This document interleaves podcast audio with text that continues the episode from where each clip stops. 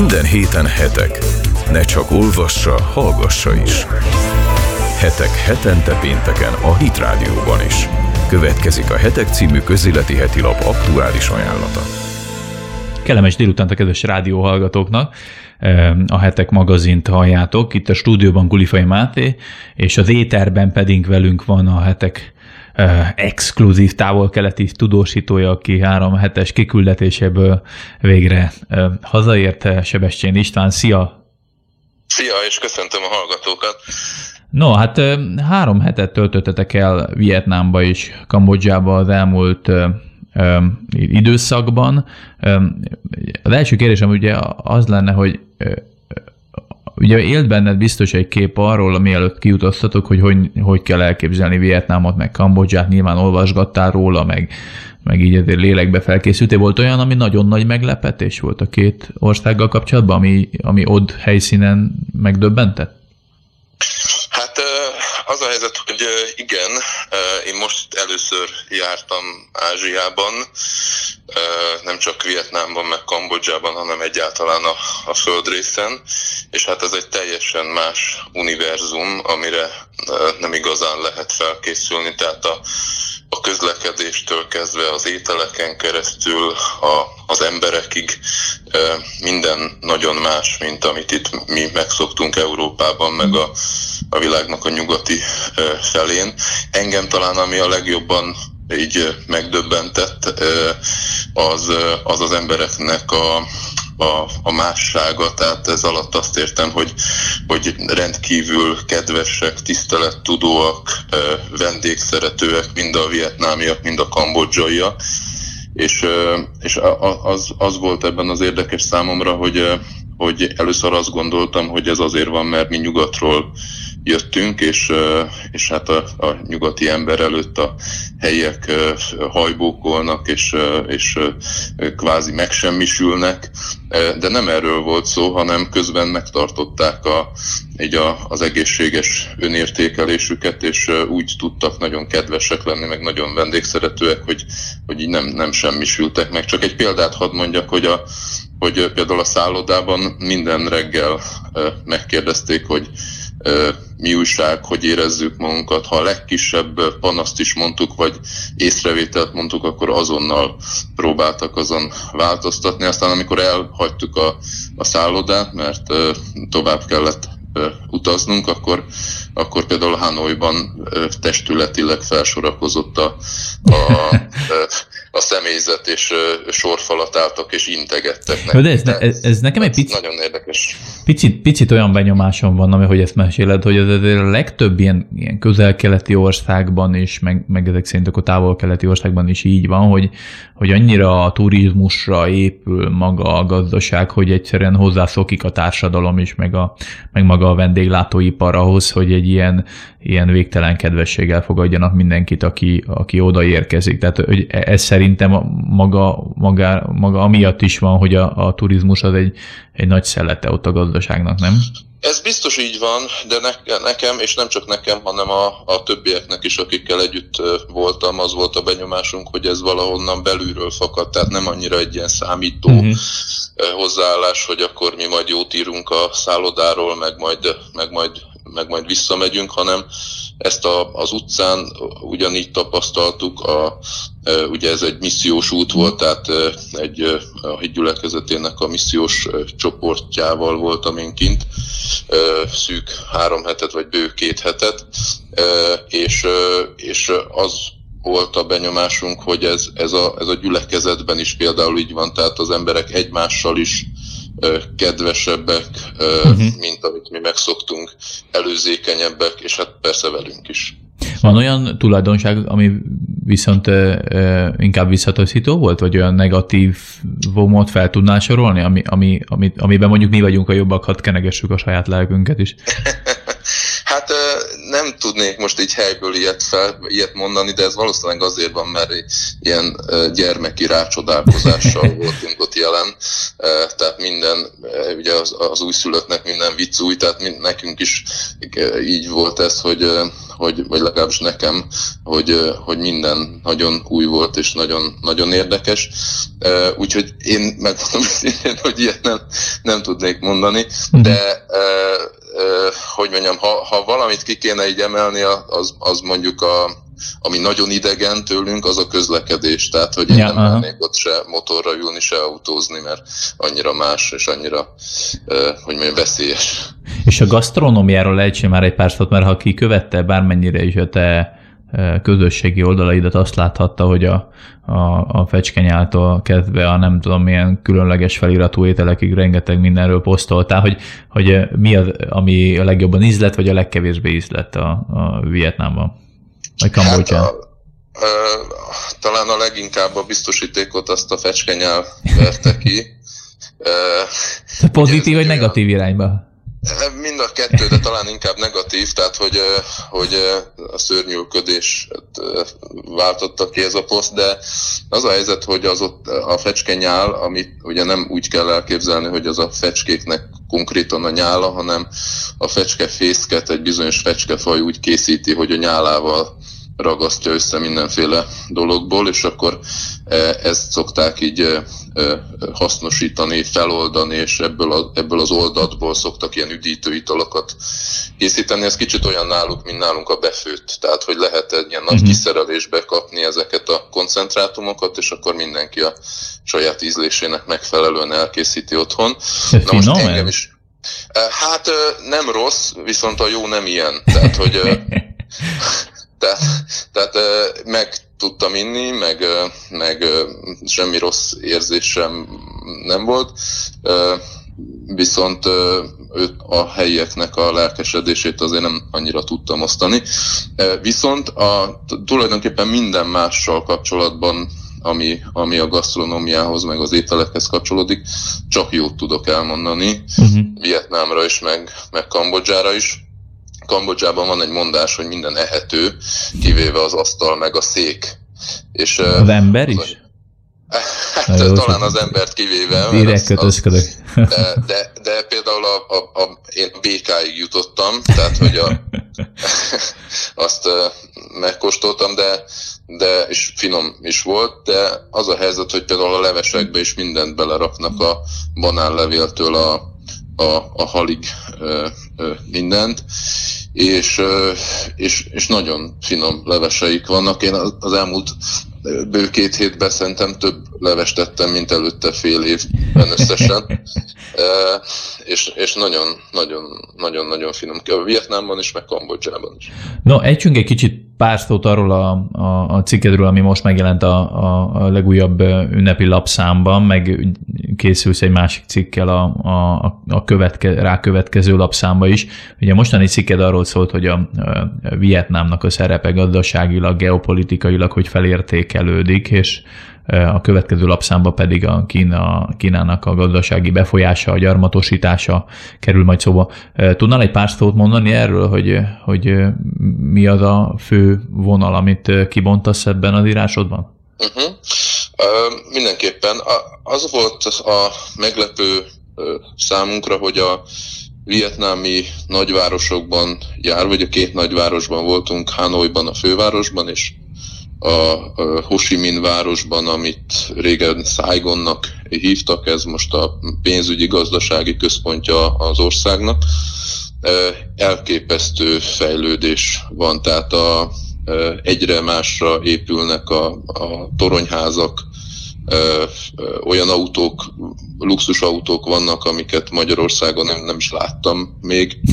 Tehát, hogy van egy olyan réteg, a, aki, amelyik nagyon fel tudott emelkedni, és fel tud emelkedni ezen a gazdasági pörgésen, pörgésre alapozva, és, és utána a helyiekkel beszélgettünk, meg, meg úgy utána olvastunk, és az a helyzet, hogy a 80-as években Vietnámban elkezdődött egy, egy átállás a addigi tervgazdálkodásról a hát kvázi ilyen piacgazdasághoz hasonló viszonyokra, tehát hogy nem, nem öt éves tervekben gondolkoztak, hanem piaci alapon, uh-huh.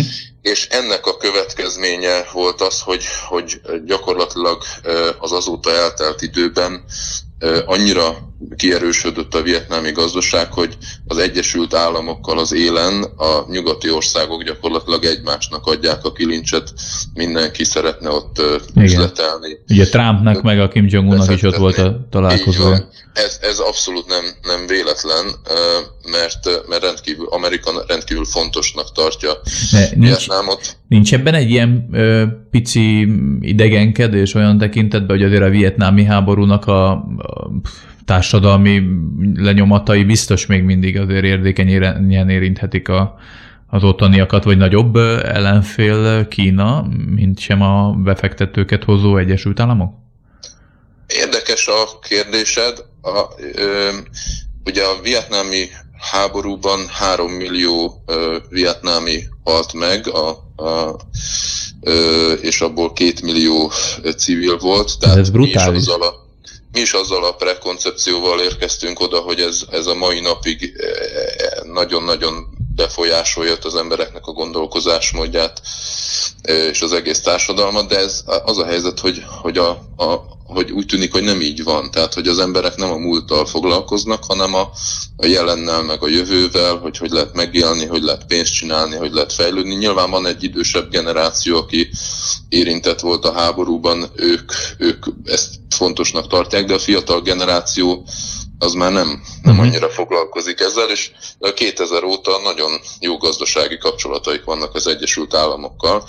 És amit mondasz, hogy, hogy Kína hogy jön a képbe, hát gyakorlatilag az USA kvázi egy alternatívát próbál találni Vietnám van Kínával szemben, tehát nagyon hasonlóan pörög a gazdaság, 6-7 százalékos gazdasági növekedés van. Nagyon nagy országról beszélünk, tehát nyilván nem akkora, mint Kína, de ez is egy 100 milliós piac.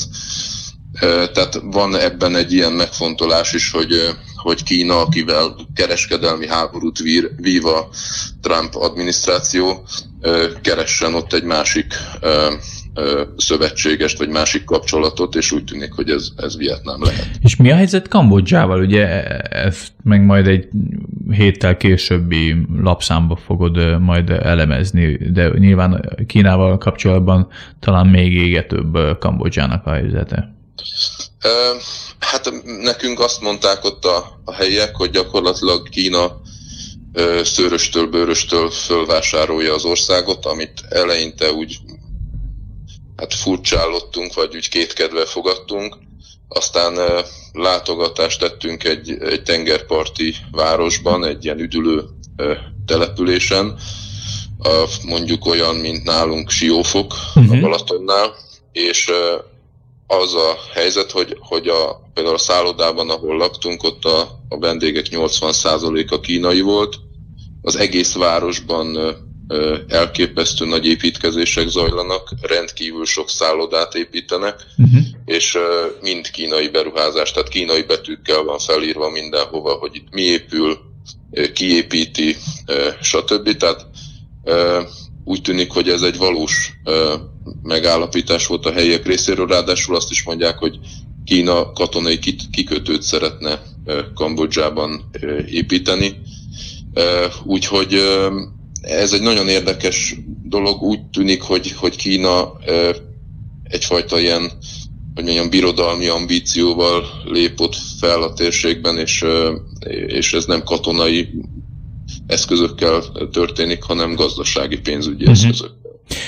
Jó, ennek a részleteit akkor az olvasók részben a mostani húsvéti lapszámunkban olvashatják, ami már csütörtökön megjelent, illetve majd a, a jövő heti lapszámban. Még egy, egy, egy-két percben azért beszéljünk arról, hogy amit, amint említetted a hídgyülekezete missziós ö, útjának, ö, küldöttségének ö, tagjaként voltál kint a távol-keleten, Vietnámban és Kambodzsában.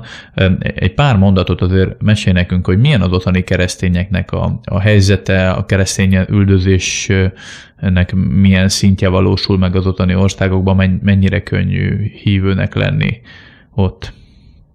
Hát először is ez nem egy keresztény, tehát kulturális szempontból sem egy keresztény ö, régió. Tehát ö, nálunk ugye a, a kultúra ö, kereszténynek mondható, ö, az emberek papíron ö, keresztények, ö, ott ez még papíron sincs így, tehát például ö, Vietnámban ott, ott olyan bő 15% a keresztényeknek az aránya, Kambodzsában még kevesebb, 2 és, és ez egy egészen más helyzet, mint, mint nálunk. Ráadásul Vietnámban most már ugyan enyhült a helyzet, de, de a, az elmúlt években azért súlyos üldöztetéseket szenvedtek a, a keresztények. Az, az a gyülekezet, amiben mi voltunk az ő meghívásukra, és Flajszendre missziós lelkész szolgált ott két gyülekezetben, ők azt mondták, hogy voltak olyanok, akiket bebörtönöztek a hitük miatt, a papírjaikat elvették, titokban kellett összejöveteleket tartani, és hasonlók. Mára ez egy kicsit enyhült, mert az állampárt azt látja, hogy nemzet, a nemzet számára hasznos a tevékenységük, és ez egy örvendetes dolog, de, de jogilag még mindig nem rendezett a státuszuk Vietnámban. Uh-huh. Kambodzsában egy picit más a helyzet, ott ilyen jellegű üldöztetés nincsen, viszont ott két százalék az összes kereszténynek a, az aránya, tehát nagyon nagy szembeszélben kell nekük, nekik gyülekezetet építeni, meg, meg egyáltalán létezni. Ráadásul anyagilag ez egy nagyon, nagyon nagy kihívás ott maradni, mert, mert az a helyzet, hogy, hogy a környező országokban sok helyen jobbak a lehetőségek, és ezért sokan elvándorolnak Kambodzsából, mm-hmm. és ez a keresztényeket is megkísérti, viszont akik ott maradnak, azok nagyon elszántak, és, és vállalják ezt a áldozatot. Nagyon köszi István a beszámolót és tudósítást. Sebestyén Istvánt hallottuk a, a heteknek a újságíróját, rovatvezetőjét, nem régiben három hetet Vietnámban és Kambodzsában töltött, és az ottani élményeiről beszélt. Mindenkinek kellemes húsvéti ünnepeket kívánunk, de mielőtt elbúcsúznám a hallgatóktól, azért ajánlom figyelmetekbe a, a legfrissebb lapszámunkat, ami több exkluzív, különleges tartalommal kedveskedik ezúttal az olvasóinak. Német Sándor, a hetek alapító főszerkesztője egy húsvéti üzenetet fogalmazott meg a, a, a lapszámban azzal kapcsolatban, hogy a zsidó és a keresztény Pesachhoz hogyan kapcsolódik egymáshoz, illetve a mai napig milyen üzeneteket hordoz önmagában.